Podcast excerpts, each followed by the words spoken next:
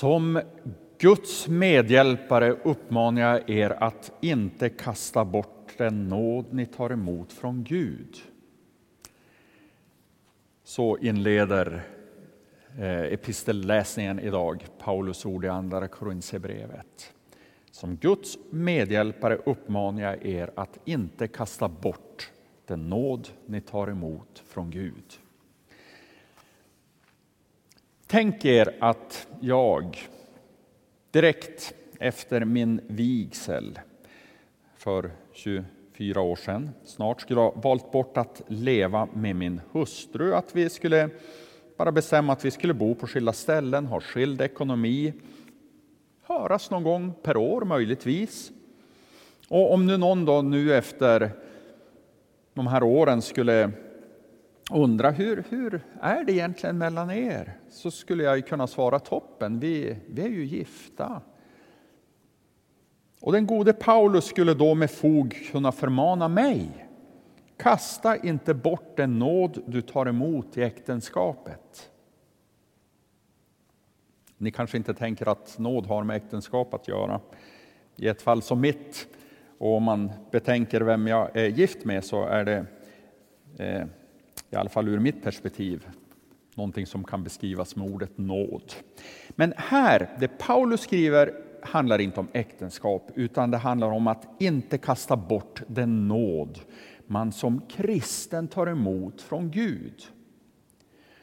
Och om vigseln markerar övergången till en ny relation mellan två människor, ingången i ett nytt civilstånd, så markerar dopet övergången till en ny relation mellan en människa och Gud. Och om jag kan kasta bort nåden i äktenskapet genom att välja bort att leva med min hustru så kan jag också kasta bort nåden jag tar emot från Gud genom att välja bort att leva med honom. Kasta inte bort nåden. Gör tvärtom. Ta vara på nåden.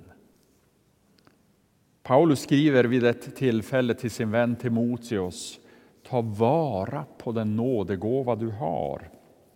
Och de av er som har läst en del i Bibeln, då kanske ni tänker att det handlar särskilt om särskilda gåvor som, som Anden utrustar sin församling med. Profetians gåva, undervisningens gåva, gåvan att frikostigt dela med sig och så vidare. Men om vi ska lystra till uppmaningen att ta vara på nåden, då kan vi också vända oss till Luther. Han, han talar om nådemedlen, alltså de medel Gud använder för att ge oss sin nåd, förmedla sin nåd, nådemedlen.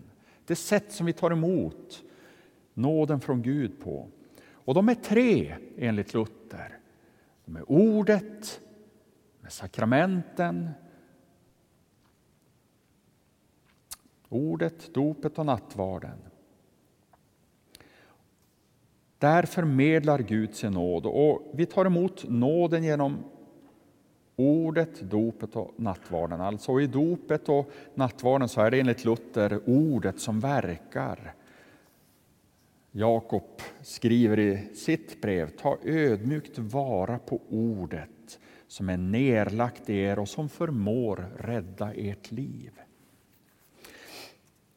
Den här första meningen som Paulus skriver, som Guds medhjälpare uppmanar jag er, där har evangeliebokens redaktion klippt bort ett litet ord. De gör så ibland i inledningsmeningarna. Det står nämligen som Guds medhjälpare uppmanar jag er också att inte kasta bort den nåd ni tar emot från Gud.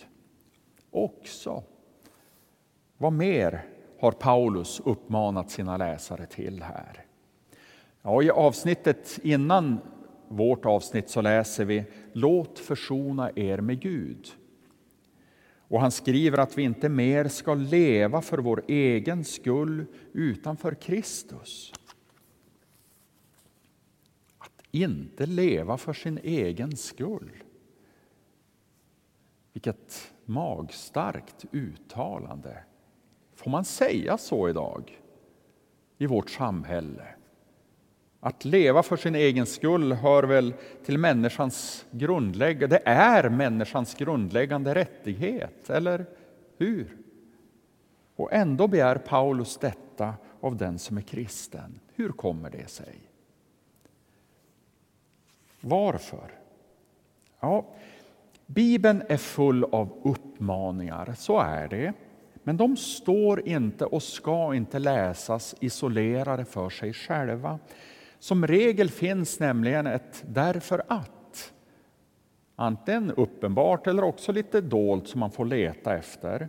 Som motiverar varför uppmaningarna ska följas.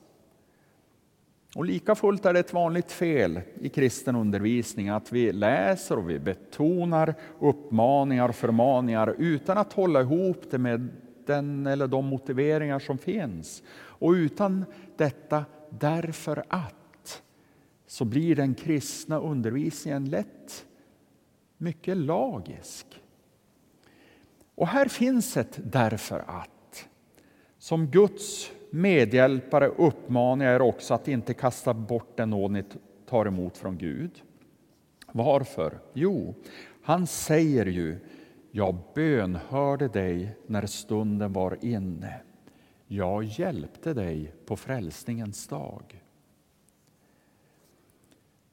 Frälsningens dag, det var när Jesus dog på korset, när han steg ner i dödsriket och sedan uppstod till ett nytt liv. Och trots att åtminstone 20 år har förflutit sedan det hände så menar Paulus att Jesus säger till en kristne i Korint, jag hjälpte dig på den dagen. Så därför vill jag att du, att vi ska lyssna Också vi som bor i Göteborg några, ytterligare några år senare. För det här gäller nämligen för dig, det gäller för oss. Någonting radikalt skedde för dig när Jesus dog, begravdes och uppstod. Och Jesus säger därför till dig, jag bönhörde dig när stunden var inne. Jag hjälpte dig på frälsningens dag.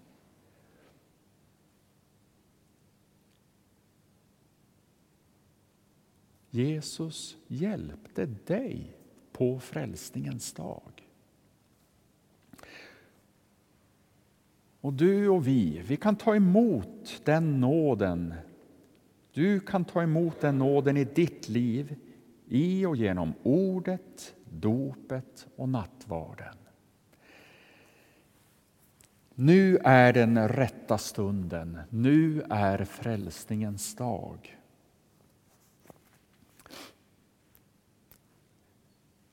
Jag tror att vi lite till mans, nej, det kanske, jag pratar nog kanske mest för mig själv här, men att vi har en tendens att vilja skjuta upp viktiga beslut i våra liv. Nej, förlåt om jag la över det på er, det gäller nog mer mig. Men, men det här kan så lätt gå igen också i det kristna livet. I urkyrkan, i den tidiga kyrkan, de första hund, par hundra åren, så fanns det ingen kontrovers i kyrkan där man stred egentligen om vuxen, om det, man skulle döpas som vuxen troende eller om man kunde döpa som barn. Det fanns inte de första 200 åren. Barn döptes. Och den första invändningen mot praktiserandet av barndop kom ungefär 200 år efter Kristus. Och invändningen var egentligen inte mot dopet, barndopet i sig. Istället var det en strömning inom kyrkan som menar att det var viktigt att man efter sitt dop inte skulle synda. Befängda tanke. Idealet för människorna, för de kristna i den strömningen blev därför att man skulle väntas med att döpas och ju senare man gjorde det desto bättre, helst på dödsbädden. På så sätt skulle man ju inte hinna med att synda efter döden, efter dopet menar jag. Men å andra sidan skulle man ha gott om tid att synda dessförinnan.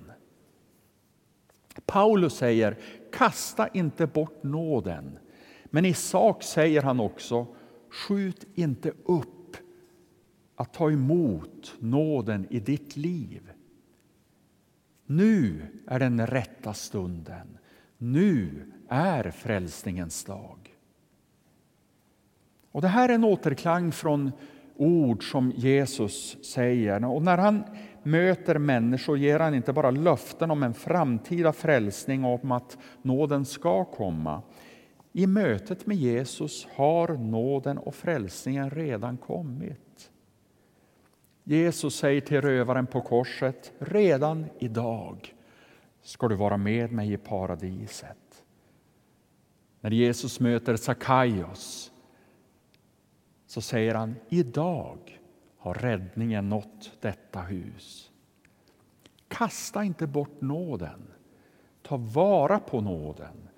Skjut inte upp det till en eventuell morgondag. Nu är den rätta stunden. Nu är frälsningens dag. Jag vet inte om du finns här som av någon anledning som du känner själv tvekar att gå fram till nattvardsbordet. Och jag skulle vilja säga att idag är den rätta stunden. Jag bönhörde dig när stunden var inne. Jag hjälpte dig på frälsningens dag. Kanske är du här som har tänkt att du någon gång skulle vilja gå fram till, till förbön men inte har vågat eller att du har tvekat.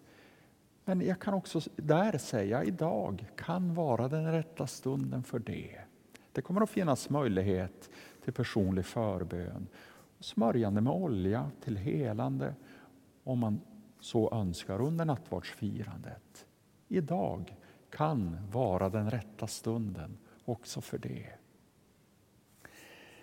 Ära vare Fadern och Sonen och den helige Ande, så som det var av begynnelsen, nu är och skall vara, från evighet till evighet. Amen.